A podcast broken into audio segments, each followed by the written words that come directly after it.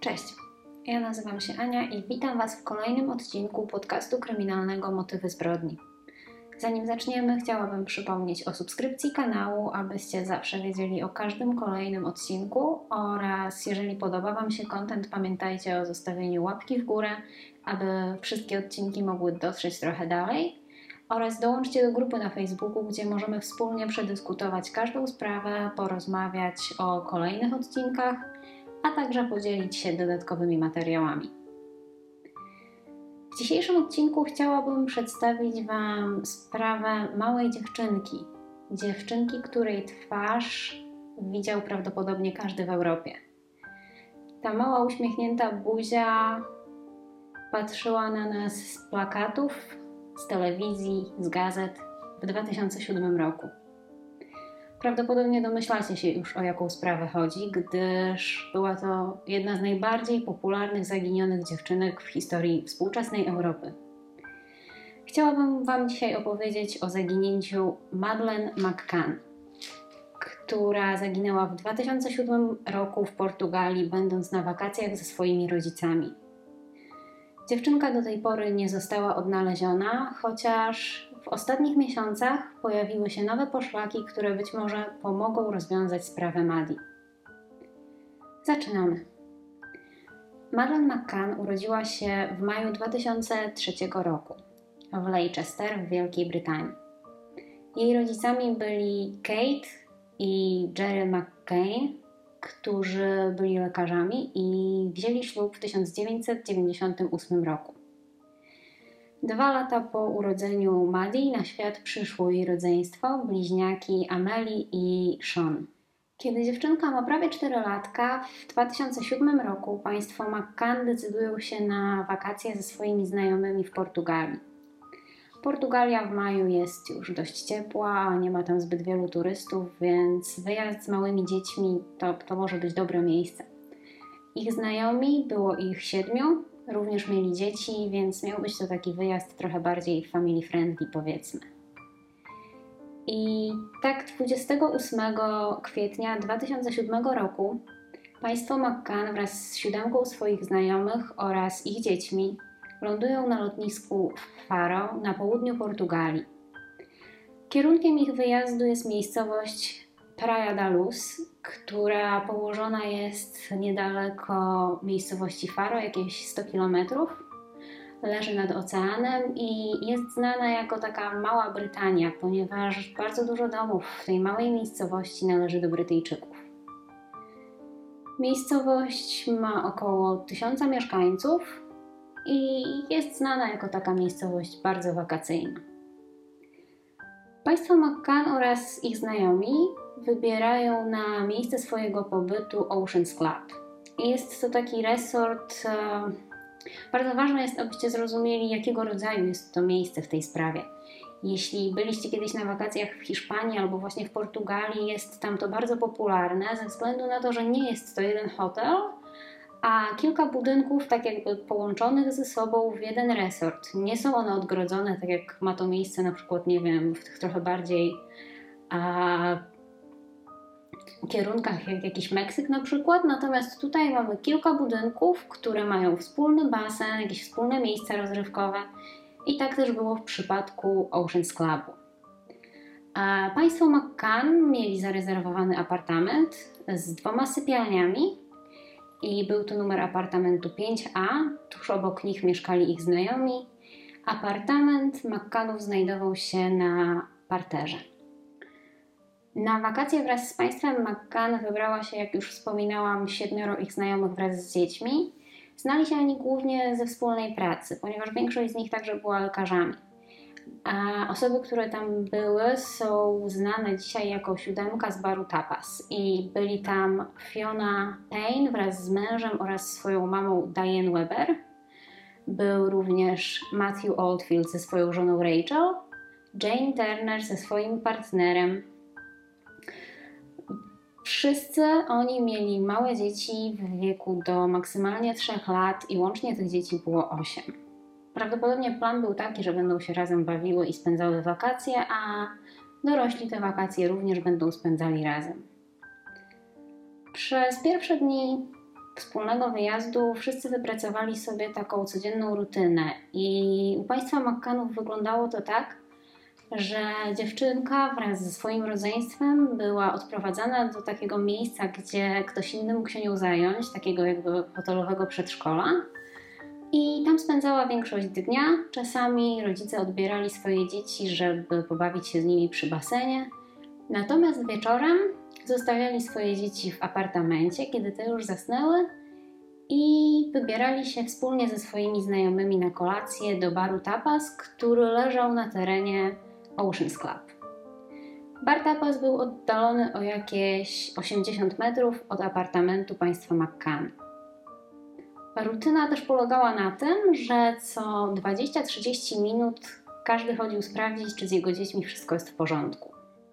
3 maja, czyli piątego dnia wakacji, dzień u państwa McCann rozpoczął się od śniadania ze swoimi dziećmi. I podczas tego śniadania Maddie zadała swoim rodzicom pytanie.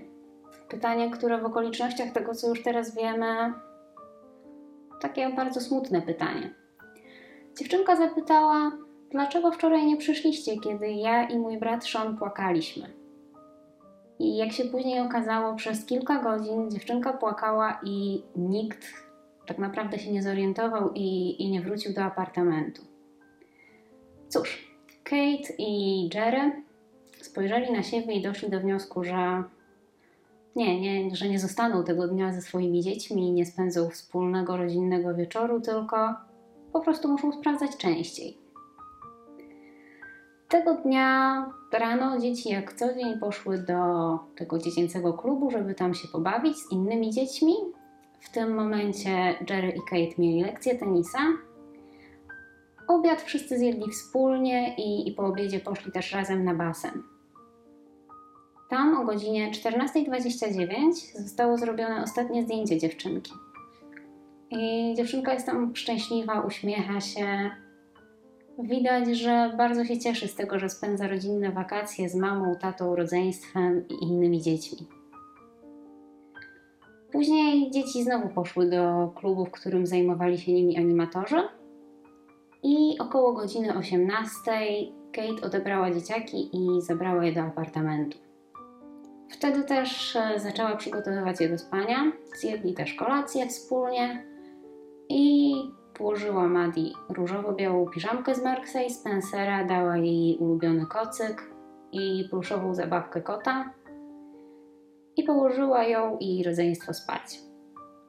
Około 19 zaczęli się przygotowywać z Jerem, aby pójść na kolację tak jak co dzień. O 20.30 Kate i Jerry byli już w drodze do baru Tapas. Było to blisko, więc zajęło im to tak naprawdę kilka minut. I o 20.30 spotkali się też tam ze swoimi znajomymi, zamówili jakieś pierwsze jedzenie, kilka drinków prawdopodobnie. Usiedli przy swoim stoliku i tutaj też jest ciekawostka, ponieważ oni zawsze rezerwowali ten sam stolik. Przez cały wyjazd tak naprawdę poprosili obsługę o to, aby ten stolik, ten jeden konkretny zawsze na nich czekał. I wszystkim w zasadzie powiedzieli, że ich dzieci zostają same w apartamencie, że nikt ich nie pilnuje i zależy im na tym konkretnie stoliku, dlatego że stamtąd widać apartament i że będą raz na 20-30 minut chodzili i sprawdzali, co z ich dziećmi. Więc w zasadzie o tym, że dzieciaki były same, wiedzieli wszyscy w obsłudze. Z perspektywy tego, co się wydarzyło, nie wydaje mi się, że było to rozsądne, ale to chyba każdy powinien ocenić sam. Więc tak jak już mówiłam, o 20.30 wszyscy się spotkali, minęło pierwsze pół godziny, rozmawiali, śmiali się, dobrze się bawili i w tym momencie pierwsze osoby poszły sprawdzić, co z ich dziećmi. Zanim jeszcze przejdziemy do tego, w jakiej kolejności wszyscy chodzili, żeby sprawdzać, czy ich pociechy mają się dobrze, a pozwólcie tylko, że wspomnę, że apartament państwa McCann miał dwa wejścia. Jedno takie tradycyjne z przodu od ulicy, które, do którego, żeby wejść, trzeba było pójść naokoło od baru Tapas. I drugie, znacznie bliżej, które było takim wejściem tarasowym. Były to szklane, przesuwane drzwi. I te szklane, przesuwane drzwi mogły być zamknięte tylko od środka. Kate i Jerry stwierdzili, że jeżeli zostawią te drzwi otwarte, będzie im dużo łatwiej wejść do apartamentu, nie będą musieli chodzić naokoło, dzięki czemu dużo szybciej będą w stanie sprawdzić, co z ich pociechami. I co mam na myśli przez otwarte? To znaczy, że te drzwi były przymknięte, ale nie były tak jakby domknięte. Były też zasłonięte, zasłonięte zasłonką, żeby nie było widać, że, że są otwarte. I kolejną rzeczą, którą tutaj warto też dodać, jest fakt, że te drzwi balkonowe ani drzwi z przodu ich apartamentu nie były widoczne z baru tapas. Był widoczny budynek, natomiast wejście do apartamentu 5A, który zajmowali, nie było widoczne. Kiedy o 20.55 Matthew Oldfield e, zbiera się, żeby zobaczyć, co u ich dzieci, idzie i, i niedługo za nim idzie również Jerry. O godzinie 22, 21.05 Jerry wstaje i idzie sprawdzić, co z ich dziećmi. Wchodzi do apartamentu i ma wrażenie, że drzwi do sypialni były otwarte trochę bardziej niż, niż oni je zostawili, ale wydaje mu się tak tylko, więc ignoruje ten fakt, przymyka drzwi, rzuca okiem na dzieci bliźniaki i Madeleine śpią, to jeszcze stojąc w drzwiach myśli sobie, jak ładna jest dziewczynka. Wychodzi i przed apartamentem spotyka mężczyznę, którego spotkał, poznał na wakacjach i ucina sobie z nim krótką rozmowę. W tym samym czasie Jane Tanner idzie sprawdzić, co z ich dziećmi i twierdzi, że około godziny 21.10 mijała Jerego i tego mężczyznę, z którym rozmawiał a także kilka sekund później widziała podejrzanego mężczyznę, który oddalał się od apartamentów i coś niósł. Po kilku miesiącach, tygodniach, Jane stwierdzi, że na pewno niósł dziecko i że było ubrane w różową piżamkę. Jeszcze twierdzi, że, że zwróciło jej uwagę to, że dziewczynka bądź chłopczyk, to dziecko, które mężczyzna niósł, miało bose stopy, nie miało butów ani skarpetek. I mężczyzna trzymał je w dość nienaturalny sposób. Mówiąc to, ma na myśli, że trzymał je w taki sposób, a nie przytulał tego dziecka w żaden sposób, więc było to dla niej w pewien sposób nienaturalne. Kiedy o 21.30 nadchodzi kolejna Kate, która ma pójść i sprawdzić, co z dziećmi, w tym samym momencie wstaje również Matthew Oldfield i Russell O'Brien, którzy również idą sprawdzić, co w ich apartamentach. I Matthew oferuje Kate, że skoro idzie i mieszkają apartament dalej, przez ścianę właściwie, to on może zajrzeć do, do ich apartamentu i Kate nie musi iść, może sobie dalej rozmawiać. Uśmiechnięta Kate, pochłonięta wieczorem spędzanym z przyjaciółmi, dziękuję Matthew za przysługę, zgadza się i, i mężczyzna sprawdza. Kiedy wchodzi do apartamentu, widzi bliźniaki, nic się nie dzieje, nikt nie płacze, wydaje mu się, że wszystko jest w porządku, a wraca do stolika i mówi, że jest cisza. Stąd też tak naprawdę przychodzi nam na myśl, czy Matthew na pewno wszedł do pokoju i czy zobaczył, że dzieci tam są. Jak twierdzi, nie widział Madeleine. Założył, że ona tam jest i że, i że śpi. O 22 Przychodzi w końcu pora na Kate. Wstaje, idzie do apartamentu. Droga do ich apartamentu z baru tapas zajmuje około 5-7 minut. Kiedy Kate wchodzi, widzi, że drzwi są otwarte dużo szerzej, tak, tak samo jak wcześniej widział to Jerry. I kiedy próbuje te drzwi zamknąć, one nagle trzaskają, jakby przeciąg w domu je zamknął z dużo większą siłą. Przerażona Kate uświadamia sobie, że nie zostawili żadnego okna otwartego, więc jest to bardzo dziwne. Wchodzi do sypialni dzieci, widzi, że okno jest otwarte, a na łóżku Madeleine nie ma dziewczynki, został tylko kocyk i jej ulubiona zabawka. Ale co ciekawe, bliźniaki śpią, mimo tego, że drzwi właśnie trzasnęły, dzieci śpią i zupełnie się nie obudziły. Tutaj dzieją się rzeczy dziwne, irracjonalne w pewien sposób, ponieważ Kate w momencie, kiedy nie widzi dziewczynki, wybiega z apartamentu, zostawiając tam dwójkę swoich dzieci, biegnie do baru tapas i krzyczy, że porwali Madeleine, że zabrali ją. I jest święcie przekonana, że dziewczynka została porwana. I teraz zadajmy sobie pytanie. Porwali jej dziecko i ona wybiega z apartamentu, zostawiając tam dwójkę swoich dzieci. Czy, czy jeśli to nie jest bezpieczne miejsce, to to na pewno dobre rozwiązanie? Potem, kiedy Kate przybiegła do baru Tapas i powiedziała wszystkim, co się wydarzyło, o godzinie 22.10 Jerry prosi swojego kolegę Matthew o to, aby ten poszedł na recepcję i poprosił o wezwanie policji. O godzinie 22.30 hotel podnosi alarm o zaginionym dziecku i wszyscy goście hotelowi oraz obsługa ruszają, aby przeszukać miejscowość i znaleźć dziewczynkę. O godzinie 23 przyjeżdża dwóch policjantów z pobliskiego Lagos. E, jest to taki rodzaj policji, powiedzmy, w rodzaju naszej drogówki.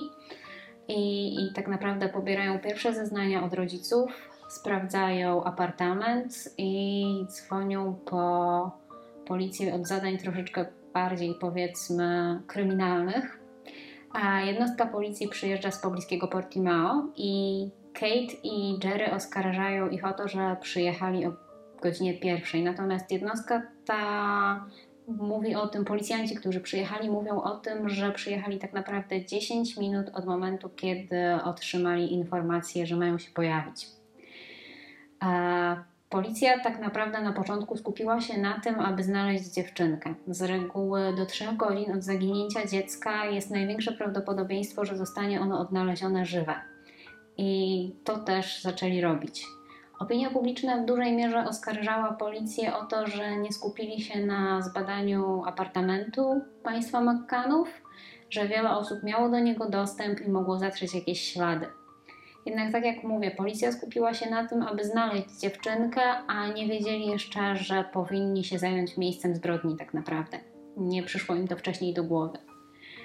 A co robiła policja? Zrobili zdjęcia, chodzili od drzwi do drzwi, żeby zapytać, czy ktoś nie widział dziewczynki, ustawili bariery na autostradach, obstawili granice Portugalii, szukali dziewczynki z lądu, wody i powietrza, szukali ludzie na łodziach, szukali ludzie w helikopterach. Szukało jej 700 osób cywilnych oraz 100 policjantów przez 24 godziny na dobę. Wszystko po to, żeby odnaleźć dziecko całe i zdrowe. A goście hotelowi skończyli swoje poszukiwania około 4.30 nad ranem. Przeszukiwali e, miasteczko Praia da Luz. Myśleli, że dziewczynka być może wyszła z apartamentu sama, może poszła szukać swoich rodziców i byli pewni, że być może bardzo szybko ją znajdą. Wszyscy szukali dziewczynki, tylko nie Kate i Jerry. Oni w tym momencie wzięli telefon i zaczęli dzwonić do swojej rodziny w Wielkiej Brytanii, przekładając im za każdym razem identyczną wersję wydarzeń. Byli zbyt, jak to stwierdzili, zmęczeni, wykończeni, żeby, żeby szukać Maddie, natomiast wszyscy inni to robili. W tym momencie też e, wychodzi na to, że zeznania Jane Tanner, tej, która wcześniej spotkała Jarego, który rozmawiał z mężczyzną na rogu przy apartamencie, nie do końca pokrywają się i, i ona tak naprawdę bardzo mocno się gubi. W momencie, kiedy Kate weszła do apartamentu i zobaczyła, że dziewczynki nie ma, Jane była w apartamencie obok. Wróciła z kolacji trochę wcześniej, ze względu na to, że jej córka źle się czuła i no i Jane postanowiła, że, że zostanie z dzieckiem.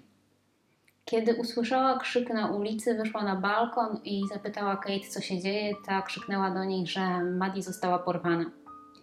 W tym momencie, jak zeznaje Jane, uświadomiła sobie, że mężczyzna, którego widziała, na pewno niósł dziecko i, i że prawdopodobnie była to Madeleine.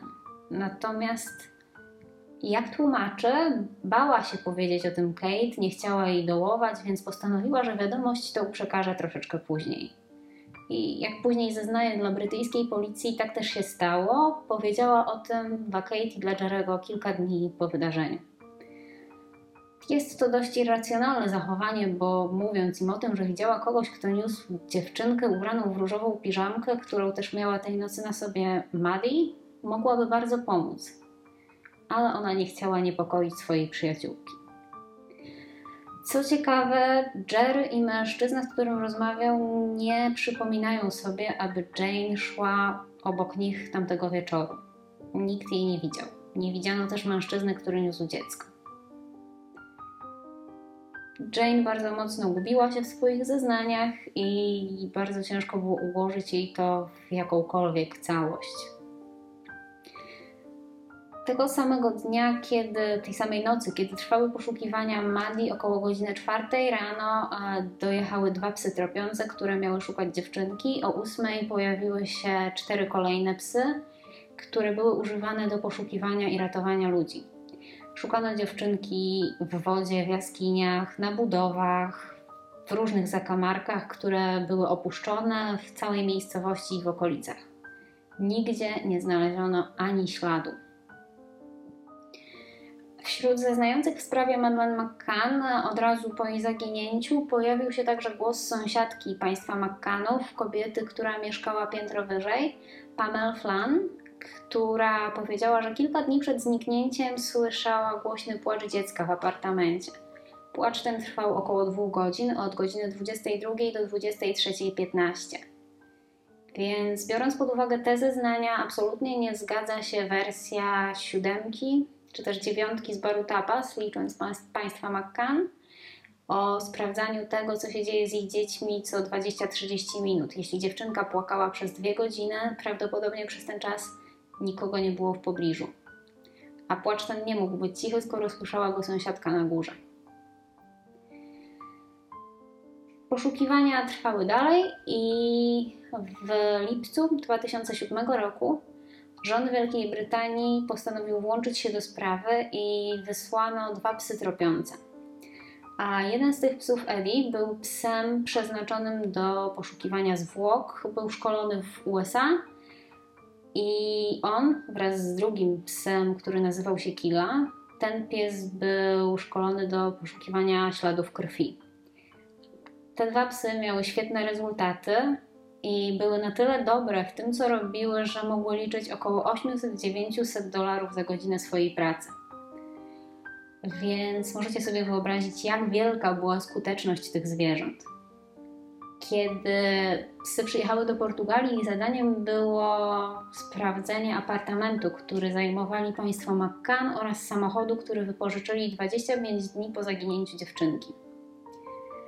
Co się okazało? E, pierwszy pies zaczął, dał znak, że, że coś wyczuwa w sypialni państwa McCann, za kanapą w salonie oraz na zabawce dziewczynki.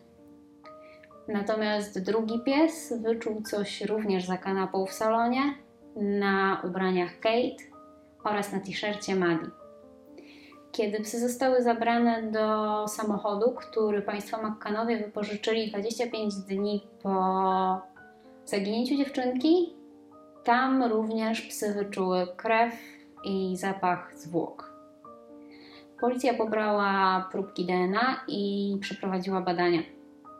Okazało się, że profil DNA zgadza się z profilem Madeleine McCann.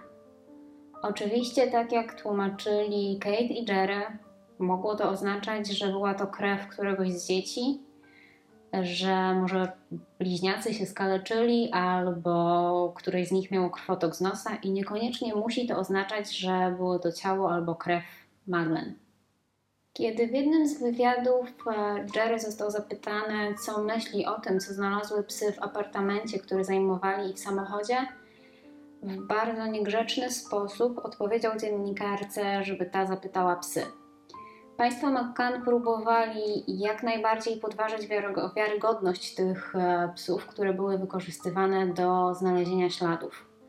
I, I tak naprawdę chcieli jak najbardziej oddalić od siebie podejrzenia.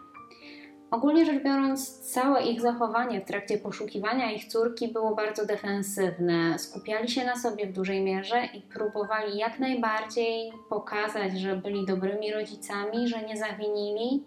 Bardzo często też podkreślali, że zostawianie dziecka w apartamencie oddalonym o 80 metrów od restauracji to w sumie tak, jakbyśmy jedli kolację w ogrodzie, kiedy dzieci śpią na górze.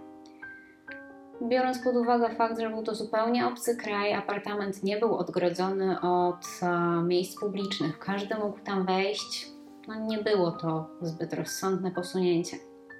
Biorąc pod uwagę fakt e, tego, co znalazły psy w apartamencie, portugalska policja doszła do wniosku, że warto się przyjrzeć państwu McCann.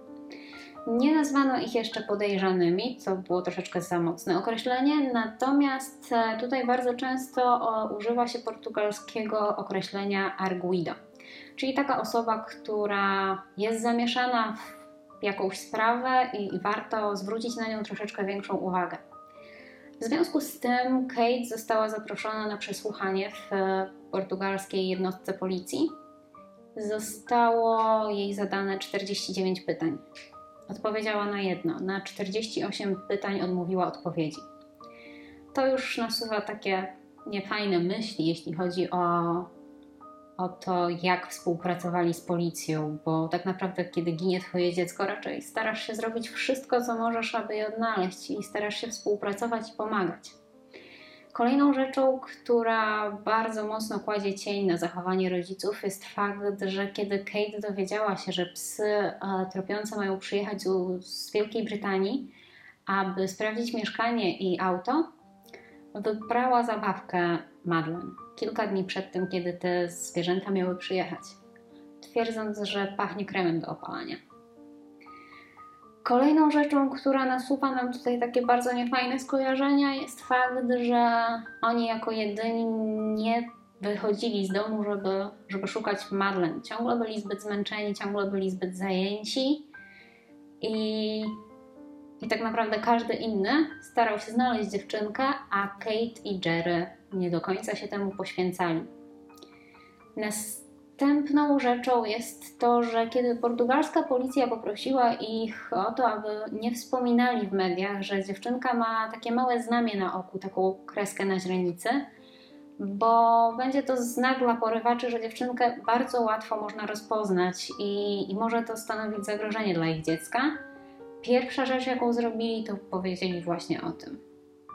Być może nie zrobili tego celowo, być może tacy po prostu są.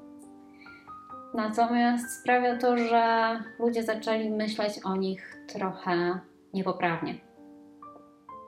W 2008 roku w lipcu portugalska policja złożyła ostateczny raport w sprawie Madeleine i po kilku tygodniach e, państwo McCann zostali oczyszczeni z jakichkolwiek podejrzeń.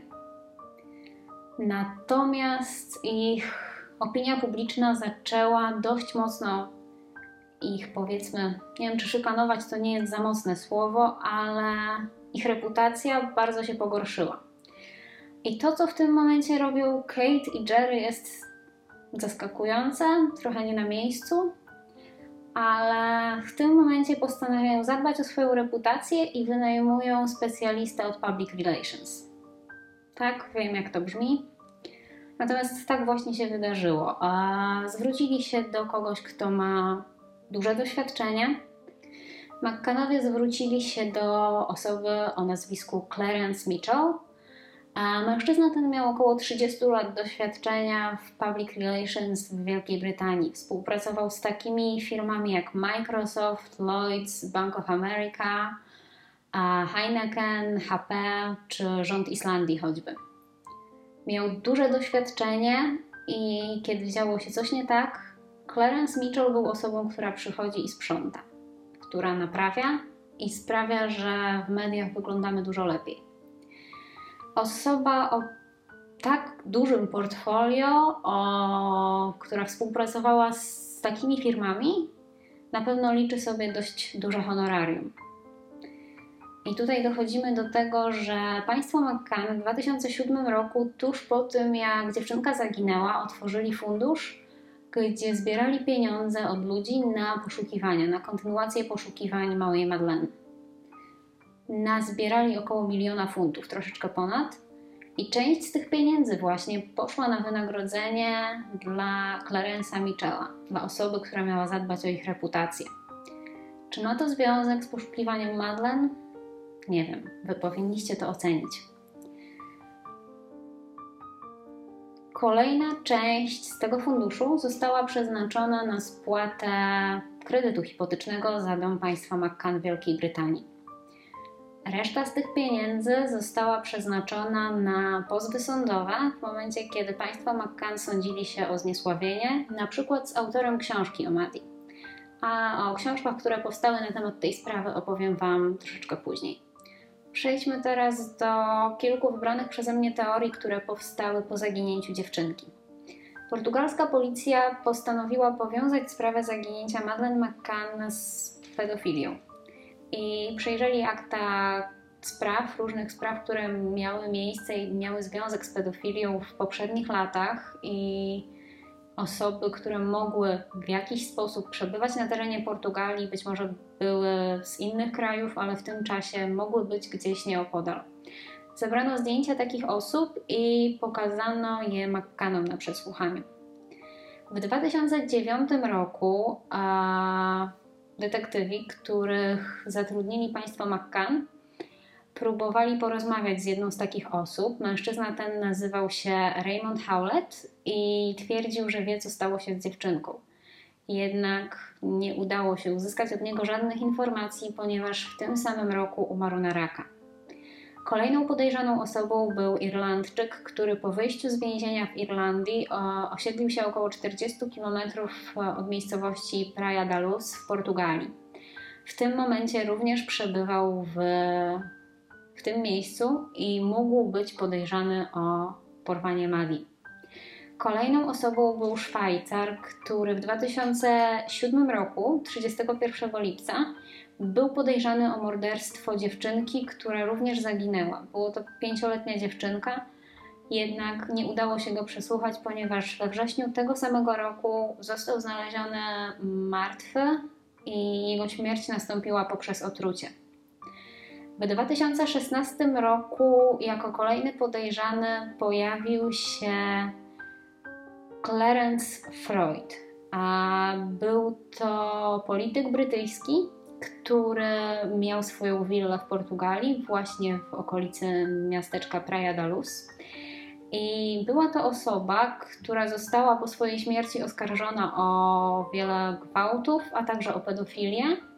I co ciekawe, Freud próbował bardzo mocno zaprzyjaźnić się z Makkanami w momencie, kiedy dziewczynka zaginęła. Był w tym czasie w Portugalii i nawiązał z nimi kontakt. I nawet jest to takie trochę dziwne ze względu na to, że ta przyjaźń musiała dojść do takich rozmiarów, że Kate w swojej książce poświęconej Madeleine a poświęca dość spory kawałek na opisywanie tego, jak świetnie bawili się na kolacjach u Freuda, jak świetnie gotował i jakie trunki im podawał. I Kate twierdzi tam też, że była to osoba, która potrafiła jej pokazać, że sytuacja, w której, w której obecnie się znajdują, nie jest tak tragiczna. Poprzez żarty skierowane na poszukiwania dziewczynki, czy jakieś niestosowne komentarze. Na podstawie zeznań Jane Turner e, o mężczyźnie, który tamtej nocy niósł dziecko, pojawił się jeszcze jeden podejrzany. Był nim Robert Muret. Był to mężczyzna pochodzenia brytyjsko-portugalskiego, który mieszkał wraz ze swoją matką w miejscowości Praia da Luz. W tym momencie przebywał w Portugalii i był widziany niedaleko Ocean's Club w nocy, kiedy dziewczynka zaginęła. Natomiast po dokładnym sprawdzeniu, po przeszukaniu jego posiadłości, po przeszukaniu za pomocą skanerów, które sprawdzały, czy nie ma czegoś pod ziemią, po rozkopaniu jego basenu, nie byli w stanie w żaden sposób połączyć Roberta Murata ze sprawą zaginięcia Madeleine i mężczyzna został oczyszczony z zarzutów. W 2020 roku, dokładnie w czerwcu, pojawiło się, pojawiła się nowa nadzieja. A mianowicie w Niemczech okazało się, że przebywa osoba, która przez niemieckie media nazywana jest Christian B., nie znamy jego nazwiska, Osoba ta jest podejrzana o związek z zaginięciem i prawdopodobnie zamordowaniem Madeleine McCann. Mężczyzna ten w 2007 roku przebywał w Portugalii, mieszkał w wypożyczonym wanie i przebywał w okolicy miejscowości Praia da Luz w tym czasie, kiedy dziewczynka zaginęła. Co ciekawe, dzień po jej zaginięciu sprzedał swój samochód i został on zarejestrowany na kogoś innego. Mężczyzna również został oskarżony o gwałt na jednej z e, pensjonarek domu opieki w Portugalii, więc rzuca to na niego jakiś taki ślad, że, że być może mógłby być podejrzany. Niemiecka policja próbuje znaleźć jakiekolwiek dowody na to, że Christian B. jest odpowiedzialny za zaginięcie i prawdopodobnie morderstwo Madeleine McCann. Kolejną dość popularną teorią, z którą zgadza się wiele osób, jest e, to, że dziewczynka zginęła w, przez nieszczęśliwy wypadek w apartamencie 5A w kompleksie Oceans Club. Wiele ludzi twierdzi, że w apartamencie doszło do wypadku, że rodzice Madi próbowali zatuszować sprawę i po prostu nie chcieli ponieść konsekwencji jakiegoś niedopilnowania swojego dziecka. Jedna z teorii, która jest skierowana również na rodziców, mówi o tym, że istnieje prawdopodobieństwo, iż Kate i Jerry podawali swoim dzieciom środki nasenne, aby te w spokoju przespały całą noc. Mówi się, że być może dziewczynka po tych lekach gorzej się poczuła i spadła, uderzyła się w głowę, coś mogło jej się stać. Natomiast rodzice postarali się o to, aby ukryć ciało i aby nie zostało ono znalezione.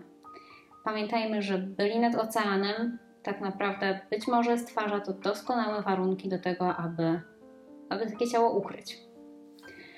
A także Kate i Jerry byli lekarzami, mieli dostęp do takich środków, co wiele osób podnosi jako takie potwierdzenie tej teorii. I kolejną teorią, która również uderza w rodziców, jest teoria o handlu ludźmi.